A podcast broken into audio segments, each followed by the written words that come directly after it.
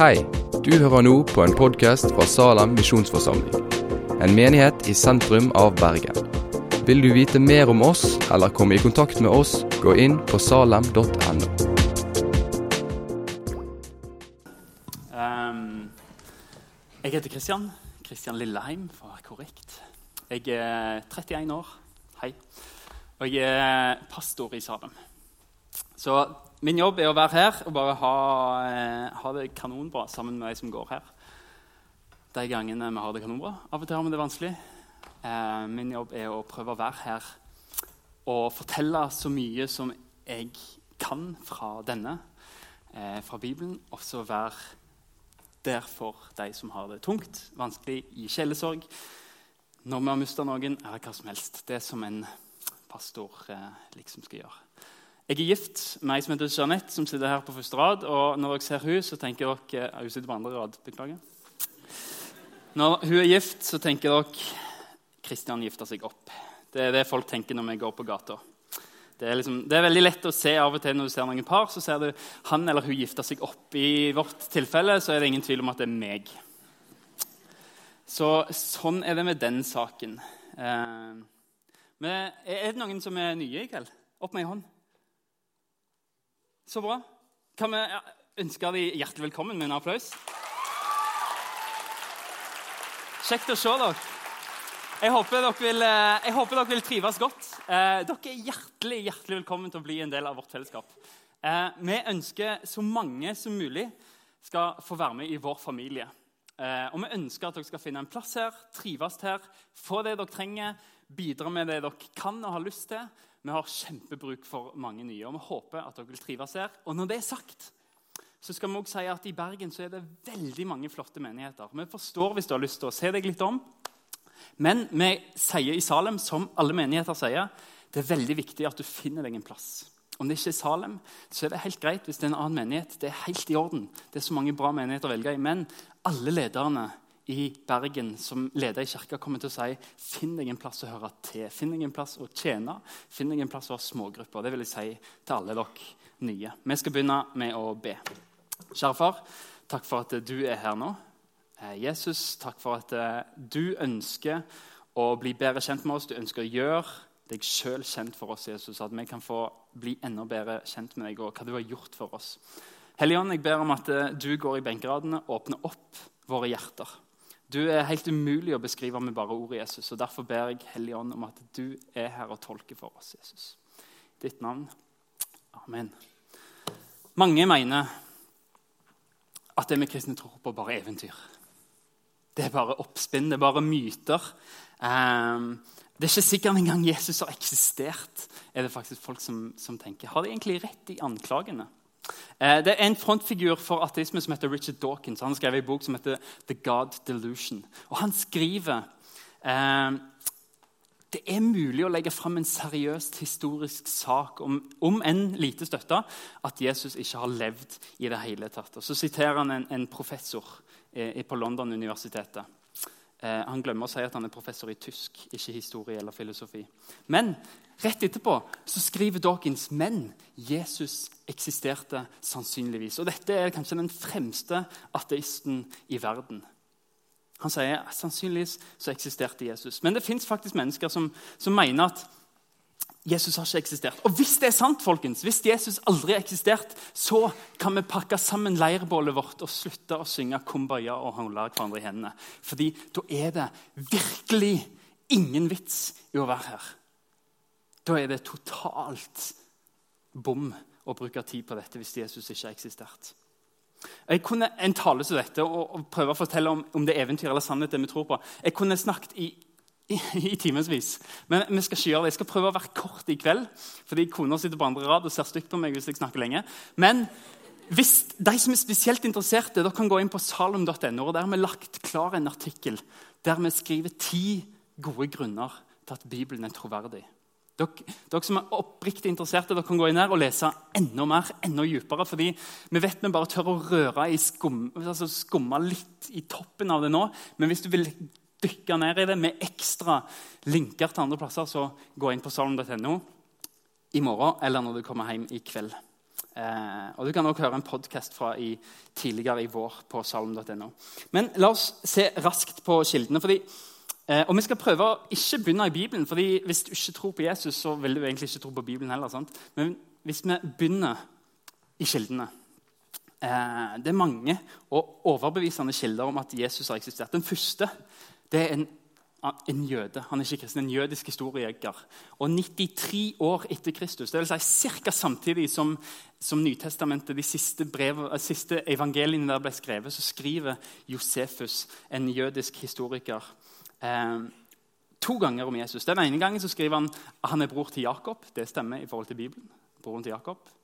Og så skriver Josefus i sin eh, historie, historie. Vi får det på neste bilde. her. På den tid var det en vis mann som ble kalt Jesus. Ok, Det har vi fra Bibelen. Eh, og Hans vandel var god. Han var kjent for å være rettskaffen. Mange av jødene og mange av andre nasjoner ble hans disipler. Og hva han fikk disipler, det står også i Bibelen. Pilatus dømte han til korsfestelse og død. Det har vi også i Bibelen. Men, var, eh, men, de som var blitt hans disipler, ble ikke frafalne. De fortalte at han hadde vist seg for den tre dager etter korsfestelsen. Det har vi også fra Nytestamentet. Og at han var i live. Det har vi fra Nytestamentet. Følgelig var han kanskje Messias, som profeten hadde fortalt skulle gjøre under. Og den kristne stammen som fikk navnet sitt fra ham, er ikke utryddet til denne dag. Se hvor bra det stemmer overens med det Bibelen skriver. Og denne Personen som skriver det, Josefus, han var en jøde. og Det er egentlig bra for oss, fordi jøder de mislikte kristne. Og hvis Jesus bare er eventyr, og hvis Jesus bare er oppspinn, så kan du være sikker på at Josefus hadde skrevet det. Men han skrev om det fordi han skrev historie. Han skrev det som var sant. Ca. 20 år etterpå så er det en romersk senator og historiker som heter Takitus. Kult navn. Eh, det kom en brann i Roma 64 år etter Kristus. og Keiseren han la skylda på alle kristne. på at De hadde brent ned byen, for han trengte noen syndebukker. Og Da skriver Takitus om om de kristne for å stoppe ryktene om at Nero selv hadde påtent denne brannen i Rom og anklaget, anklaget, og torturerte Nero noen mennesker som var hatet for deres onde gjerninger. Denne gruppen mennesker går under navnet kristne. Opphavsmannen til denne sekten var Kristus, som under Tiberius' regjering ble dømt til døden av Pontus Pilatus. Ikke noe sånt, Kristus han levde kanskje en gang, men han sa når Tiberius og Pontus Pilatus styrte på der nede, så levde Jesus. Han tidsbefestet det. Og så skriver han videre om at vi ikke likte så godt de kristne. Og Det her står i en bok som heter 'Analer', som dere kan finne på biblioteket på universitetet om dere har lyst til å slå opp. Det, finnes, det er ikke bare disse to, men det fins faktisk ni kilder totalt på Jesus som ikke står i Bibelen, som ikke kristne har skrevet. Og Jesus er nevnt elleve ganger der. Og Hvis vi skal ta alle historikerne sin konklusjon, så sier de Jesus eksisterte. Det er den gjengse omfatning i historikerkretsene i verden i dag. Og faktisk så er det sånn at Julius Cæsar tror vi jo på uten noe tvil, egentlig. Men Jesus er veldig mye bedre dokumentert enn Julius Cæsar. Det er faktisk bedre, altså det er mer historisk korrekt å si at Jesus eksisterte, enn at Cæsar eksisterte. Og Kilden vi har på Cæsar, de er fra Cæsar døde, og til den første kilden vi har, så går det 1000 år. Altså Det er 1000 år med muligheter for kan, folk kan finne på ting og si at nei, Cæsar var jo egentlig mye bedre enn det han egentlig var. så skriver de det. Og så er det 1000 år der kilden kan bli påvirka og bli gjort enda bedre. Mens når Jesus døde og for opp til himmelen Den første kilden vi har, er 65 år. Det er veldig, veldig mye bedre enn Cæsar. Historikere mener uten tvil Jesus eksisterte. Og bare for å si det, De som har brukt mest tid på å forsvare det i, i forsker, i, i historikerkretser, det er to stykker som heter Casey og Ehrmann. De sier uten tvil folk må slutte å si at Jesus ikke eksisterte. fordi det er, bare, det er ingen tvil om det. Han eksisterte. Og de to de er ateister. Det er ingen tvil om at Jesus levde. Det er det historikerne sier, og det er det vi tror på. Og jeg sier selvfølgelig er det sant, jeg er jo pastor. Men, men seriøst, ville folk funnet på det? Hvis, hvis, du skulle funnet på en religion, ville ikke du funnet på at han som leder den religionen, er en, en supermann? At han, han, bare gjør alt riktig hele tida? Han vet alltid så, at de som er rundt ham, er bare perfekte mennesker. Men de skriver om Jesus. Han er født i en stall. av en som er jomfru, visstnok. Tenk, tenk så lett det kunne vært å sagt ja, right.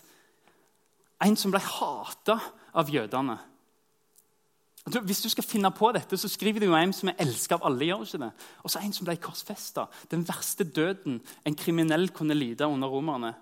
Vet du hva? Fortellingen om Jesu død på korset det er en veldig dårlig idé hvis du skal finne på en religion.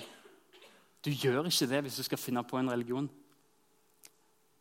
Du skriver ikke noe sånt hvis du, hvis du vil liksom samle folk rundt en figur og si han her er verdens beste fyr. Du skriver sånn hvis det er sant, det som skjedde. Hvis du er et øyenvitne og har sett det, så skriver du det. Du finner ikke sånt på. For det lønner seg ikke å finne på sånne ting som er så lite likt av folk. Men du skriver det hvis du er sant. Dette er noen grunner for at jeg tror at Jesus har eksistert. Og Du kan lese mer på den artikkelen på salm.no. Men konklusjonen er at evangeliene er veldig troverdige. Det de skriver, det stemmer historisk hvis vi ser nøye på bevisene. Og det er fordi de er øyenvitner. De har sett. Bare hør nå når de beskriver hvordan de Når de gir ut Nytestamentet, disiplene, hør hva de skriver. Lukas. Mange har forsøkt å gi en fremstilling av det som er blitt oppfylt iblant oss. Sånn som vi har fått det overlevert fra de som helt først var øyenvitner og tjenere for ordet. Og Så sier Lukas nå har jeg bestemt meg for å gå nøye gjennom alt fra begynnelsen og skrive det ned for deg i sammenheng. Ære til Teofilus, sånn at du kan vite at det er pålitelig, det du har fått opplæring i. Det, det Lukas skriver når han sier 'nøye gjennom', det er på, på gresk så betyr det ordet Jeg har studert, jeg har finkjemma alle kildene, og nå skriver jeg det sånn som det skjedde fra øyenvitnene, de som så det. Og så har du Peter. Han, noe av det siste han skriver før han dør, han skriver faktisk at jeg kommer snart til å dø, mitt telt kommer snart til å bli tatt ned herifra. Men dette vil jeg at du skal sitte igjen med, skriver Peter. Vi fulgte ikke klokt uttenkte myter når vi kunngjorde for dere vår Herre Jesu Kristi, Kristi kraft og Hans komme. Nei, vi var, vi var øyensvitner, og vi så Hans guddommelige storhet. For han fikk ære og herlighet av Gud, sin far, den gang røsten lød over han fra den høyeste herlighet. Dette er min sønn, den elska, i han har jeg min glede. Vi hørte sjøl denne røsten fra himmelen når vi var sammen med han på det hellige fjellet Se, Peter. Vi så det, vi hørte det, vi var sammen med han, Vi skriver det til dere. Og Johannes er kanskje den som grundigst Han som er den nærmeste vennen, han vil ikke at du skal unngå å forstå at dette har jeg vært med på. Bare hør hva Johannes skriver. Det som var fra begynnelsen. Det er Jesus. Han var fra begynnelsen. Det skriver han i evangeliet sitt. Ordet i begynnelsen var ordet. Det er Jesus. Det som var fra begynnelsen, det har vi hørt. Vi har sett det med egne øyne. Og vi så og det vi så og hendene våre tok på, det forkynner vi. Livets ord. Og livet det ble åpenbart. Det ble vist for oss. Vi har sett det, og vi vitner om det og forsyner det evige liv som var hos far, og det ble åpenbart for oss. Har, han sier det igjen. Det som har sett, det som har hørt, vi forsyner det òg for dere. For dere skal ha fellesskap med oss, vi som har fellesskap med far og hans sønn Jesus Kristus. Og dette skriver vi for at vår glede skal være fullkommen. Dette er budskapet vi har hørt av Han, og vi forsyner for dere Gud er lys, og det finnes ikke mørke i Han. Bibelen er skrevet av mennesker som så, som hørte og var sammen med Jesus. De er historisk troverdige kilder som skriver det de observerte.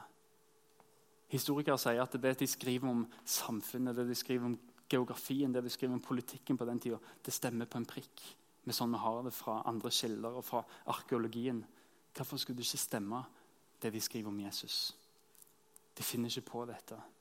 De så det. De skriver hva Jesus sa, de skriver hva han gjorde. Det er øyenvitneskildringer. So what? Hva har det å si for oss? Ok, greit, Jesus sa kanskje det han sa, han gjorde kanskje det han gjorde, men vi står igjen med én viktig oppgave. Vi må finne ut hvem er egentlig denne Jesus. da? Hvis han eksisterte, hvem er han da? Hvem er det han er? Det fins mange svar på det. Et, et av de svarene er, er, kjent fra en som heter C.S. Lewis. Dere kjenner han kanskje fra forfatter av Narnia. Han skriver at enten, du må velge seg, enten så er Gud Enten så er Jesus gal. Ok, greit. En fyr som kommer og sier han er Gud.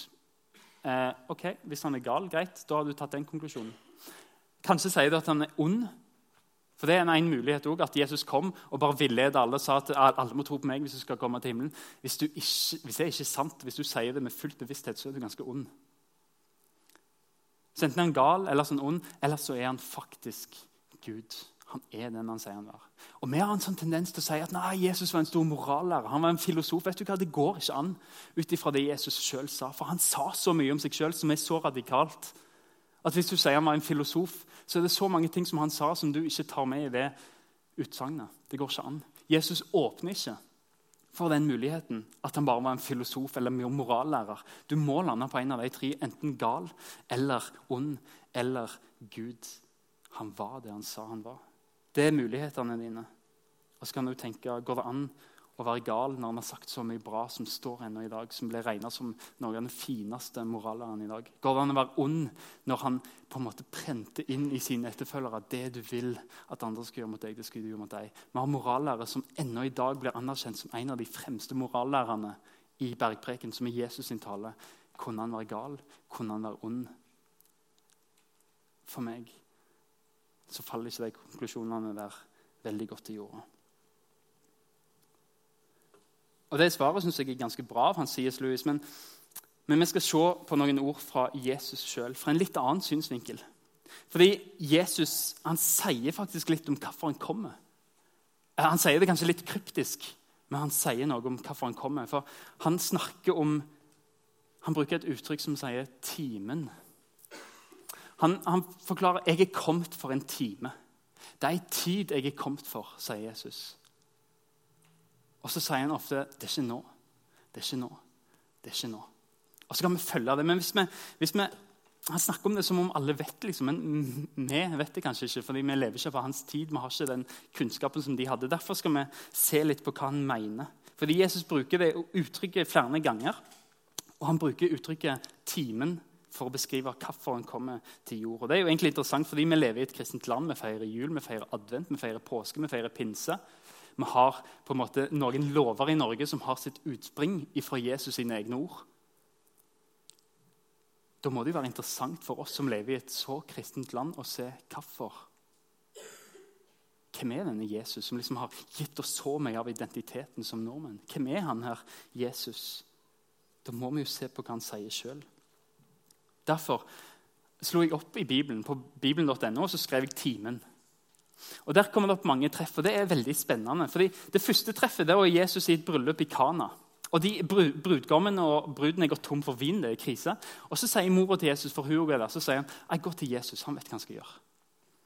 Og Så sier Jesus, hva vil dere med meg? Timen min er ikke kommet ennå. Han sa, jeg er ikke kommet for å gjøre under. Jeg er ikke kommet for å hjelpe dere med sånne trivielle ting som i et selskap. Altså, når det skal være sagt, så Han hjalp dem, han gjorde vann om til vin, men han sa det er ikke derfor jeg er kommet. Jeg er ikke kommet for å gjøre under. Ok, Neste søk. Vi søker timen igjen på Bibelen. Og så kommer vi til en gang det er løvhyttefest. En fest, en sånn høytid for jødene i Israel. Og han, Brødrene til Jesus spurte skal ikke du opp til Jerusalem og feire løvhyttefesten. fordi der skal heil, Alle jødene skal liksom opp dit. Men Jesus hadde gjort så mye. Han hadde helbredet en mann på, søn, på sabbaten. Det var ikke greit. Han hadde drevet en ond ånd på sabbaten. Ikke greit, sa jødene. Og han hadde gjort mye som jødene ikke likte, og de var etter han. De ville ta han. Og Jesus visste hvis jeg går opp dit, til Jerusalem, så kommer jødene til å ta meg. Og Så sa Jesus nei, jeg skal ikke opp dit, fordi timen min er ikke kommet ennå. Og Det han sier da, det er at du, jeg er ikke kommet for å være martyr. Jeg er ikke kommet for å dø fordi at jeg helbreder noen på sabbaten. Jeg er ikke kommet for å endre at det skal være lov til å gjøre gode ting på sabbaten. Det er ikke derfor jeg er kommet. Jeg er ikke kommet for å, for å dø som martyr for, for noen små ting som jeg har gjort. Litt seinere en annen gang så, så havner Jesus i en diskusjon med jødene. Han diskuterer sånn teologiske, altså bibelting med dem. Og så blir de så sinte at de har lyst til å ta ham. Og så, og så står det akkurat som Gud griper inn, for det står bare at de fikk ikke tak i ham fordi timen til Jesus var ikke kommet. Akkurat som Gud bare beskytter han sier nei, dere får ikke ta Jesus ennå, fordi timen hans er ikke kommet. Jesus er ikke kommet for å ta teologiske diskusjoner. Han er ikke kommet for å vinne en debatt og liksom skape et sånt sånn, sånn, sånn, sånn, sånn er rett, alt annet er feil. Det var ikke derfor Jesus kom. Men så kommer det et utsagn. Endelig så sier Jesus plutselig nå er timen kommet. Nå er timen kommet. La oss lese hva han sier når han sier det. Vi får det opp på neste her. Kanskje. Timen er kommet da menneskesønnen, det er Jesus, skal bli herliggjort. Sannelig, sannelig, jeg sier dere, hvis ikke hvetekornet faller i jorden og dør, blir det bare det ene kornet. Men hvis det dør, bærer det rik frukt. Hva er det som karakteriserer den timen? Den, den timen, Grunnen til at Jesus kom? Jo, altså, hva, er målet for reisen til Jesus? Jo, Han sammenligner det med et hvetekorn. Hvis du har et korn i hånda, og du passer på det og det bare passer på det, passer på det, ingen får, og det skjer ingenting med Vet du hva som skjer nå hvis du bare holder på det? Ingenting. Absolutt ingenting. Det lever, det har, det har spirekraft, men, men, ingenting skjer. Men hvis du graver ned det kornet, det lille frøet, og dekker det med jord, så vil det kornet dø. Men denne døden er den eneste muligheten for at det kan komme opp en plante. En plante som bærer mer frukt. En helt ny plante. Og For å skape et sånt liv så må det lille kornet dø. Det er det Jesus sier. 'Jeg er kommet for å være et sånt korn.' 'Jeg er kommet for å dø, bli lagt i bakken for at nytt liv kan spire fram.' Jesus er kommet sånn at nytt liv kan spire. Litt seinere sier Jesus, 'Nå er min sjel fylt av angst.' Men, far, men skal jeg si, 'Far, frels meg fra denne timen'? Han er livredd. Han sier, jeg, 'Jeg er full av angst', men skal jeg allikevel stikke av? Nei. Det er denne timen jeg er kommet for. Nå skjer det som jeg er kommet for. Og Johannes forklarer hva som skjer etter dette. Bare hør hva som skjer videre. Når, Jesus, når Johannes beskriver hva er denne timen, så beskriver Johannes Jesus bar sjøl sitt kors. Han gikk ut til det stedet som heter Hodeskallestedet, på hebraisk Golgata. Der korsfesta de ham og sammen med han to andre, én på hver side og Jesus midt imellom. Pilatus hadde også skrevet en innskrift, og på den, den satte han på korset. Det sto skrevet 'Jesus fra Nasaret, jødenes konge'. Etter dette, der Jesus visste at nå var alt fullbrakt, og for at Skriften skulle bli oppfylt, sier han, 'Jeg tørster'. Det sto et kar der fylt med vineddik. De satte der en svamp fylt av eddik på en isoppstilt og holdt den opp til munnen hans. Da Jesus hadde fått vineddiken, sa han, det er fullbrakt. Og han bøyde hodet sitt og oppga sin ånd. Det er timen. Og før det som er enda mer i denne timen, er Jesus som blir slått. Jesus som blir spytta, han blir spotta, han blir piska. Han blir tredd ei tornekrone ned, og så korsfester de han med spiker gjennom hendene, gjennom beina. Og så henger han på et kors, og så dør han. Og så sier han det fullbrakt. Jeg er i mål. Jeg har gjort det som jeg kom for å gjøre. Dette er timen som jeg kom for. Og når Jesus dør på korset, så sier han det fullbrakt. Jeg er i mål. Og for å si det med Paulus sine ord Også var dere var døde med deres overtredelser og uomskårne skjød. Men Gud gjorde dere levende sammen med Kristus idet han tilga oss alle våre overtredelser. Han utslettet skyldbrevet mot oss som var skrevet med bud, det som gikk oss imot. Det tok han bort da han naglet det til korset. Jesus visste at når han døde, så døde han fordi at du har gjort noe galt. Og så tok han alt det som du har gjort galt, all skylda som du har, og så nagla han det til korset. Og så gjorde han opp for dine synder. Han betalte boten for alt det galt du har gjort. Det du har tenkt, det du har gjort. Har du noen gang tenkt over hvorfor himmelen er himmel? Har du tenkt på hvorfor det kommer til å bli så bra i himmelen? Hvorfor vi ser opp tenker at når noen dør, så tenker vi de har det mye bedre nå. Hvorfor tror vi at de har det bedre nå? La meg få fortelle hvorfor. Alt som skjer i himmelen, er bra. Det har vi fra Bibelen, det har vi fra vår tradisjon. Det er det vi sier begravelser. sant? Men har du tenkt over det at for at den himmelen skal være god og rettferdig, så kan det ikke være noe urettferdig der. For da er ikke himmelen rettferdig. Hvis himmelen skal være en god plass å være, så kan det ikke være noe synd der. Det vil si at Gud må ta vekk alt som er synd. Hvis himmelen skal være en god plass å være, så er det ikke smerte der. Det vil si at Gud må ta vekk alt som lager smerte. Hvis himmelen skal være en plass uten gråt, så må Gud ta vekk alt som får oss til å gråte. Hvis himmelen skal være en plass uten synd, så må Gud ta vekk alt det som er synd. Vet du hva som får mennesker til å gråte? Det er mennesker. Vet du hva som får mennesker til å få smerte? Det er mennesker. Hvor mye har ikke du påført andre mennesker smerte, gråt, sorg, deg sjøl eller andre rundt deg? Vet du hva? Hvis Gud skal lage en rettferdig himmel, så er han nødt til å ta deg ut av den. Fordi du vil ødelegge det perfekte. Himmel er himmel nettopp fordi det ikke er ondskap der. Fordi det ikke er noe som sørger for at noen blir smerta eller får noe til å grine. Himmelen er himmelen fordi Gud har tatt vekk det som skaper urettferdighet. Konklusjonen nå er at der er det ikke plass til meg. Jeg tror ikke det er plass til deg. Fordi jeg får folk til å gråte med ting som jeg gjør, når jeg er egoistisk og, og tar mitt, meg, tenker på meg sjøl.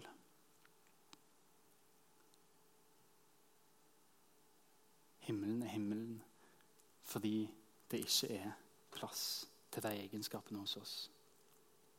Uten at Jesus får ta din straff, så blir du ikke kvitt din synd.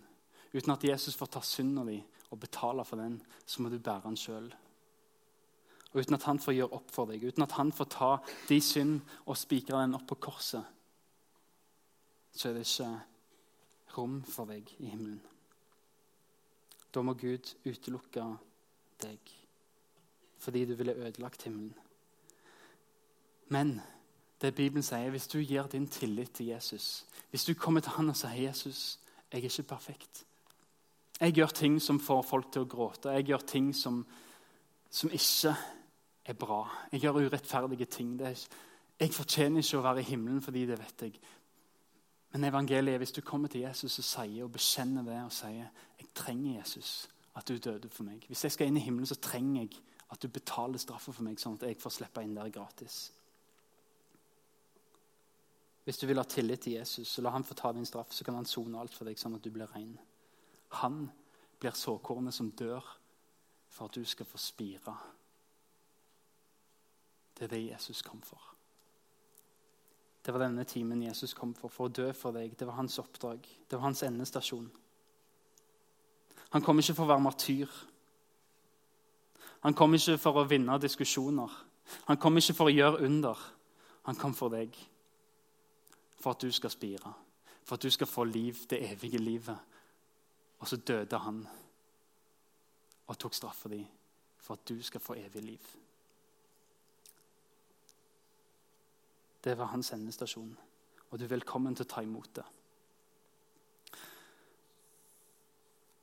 Hvis du anerkjenner, hvis du bekjenner for Jesus 'Jeg trenger deg, Jesus. Jeg trenger at du døde for meg.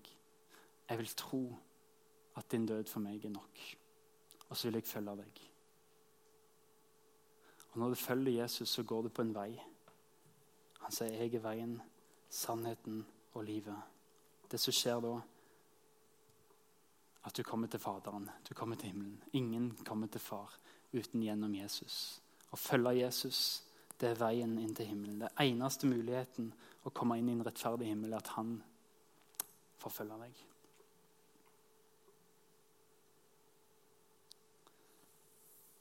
Det er det han ønsker, å bytte plass med deg. Han ønsker at han tar din straff, din synd og din død. Det som er fint da, det er at han vil gi deg noe tilbake. Hvis du gir din synd til han, så vil han gi deg sitt liv, som var perfekt, som var rettferdig, som fortjente en plass i himmelen. Og det er det kristen tro handler om. Å bytte plass med Jesus. Og det kan du få gjøre i dag. Kjære Jesus, takk for ditt ord til oss. Hellige Ånd, skap liv i oss. Far, kall på oss. La oss få se Jesus. La oss få ta imot han. Og Hvis det er noen som, som kjenner jeg har lyst å ta imot, så kan du gjøre det nå. Hvis du ser at himmelen er stengt for deg fordi du har gjort ting som ikke hører hjemme der, så kan Jesus ta det i synd. Og det skjer med tro. Og Hvis du kjenner at ja, dette tror jeg på, så skal du få ta imot. Og Det handler bare om å si 'Jesus, her er jeg'. Og Du kan si det i ditt indre. 'Jesus, her er jeg'. Jeg vet at jeg ikke er rettferdig. Men jeg vil så gjerne følge deg inn i evigheten, i det evige livet. Kan du ta imot meg sånn som jeg er? Kan du ta min synd? Takk for at du døde for meg. Lær meg å leve for deg.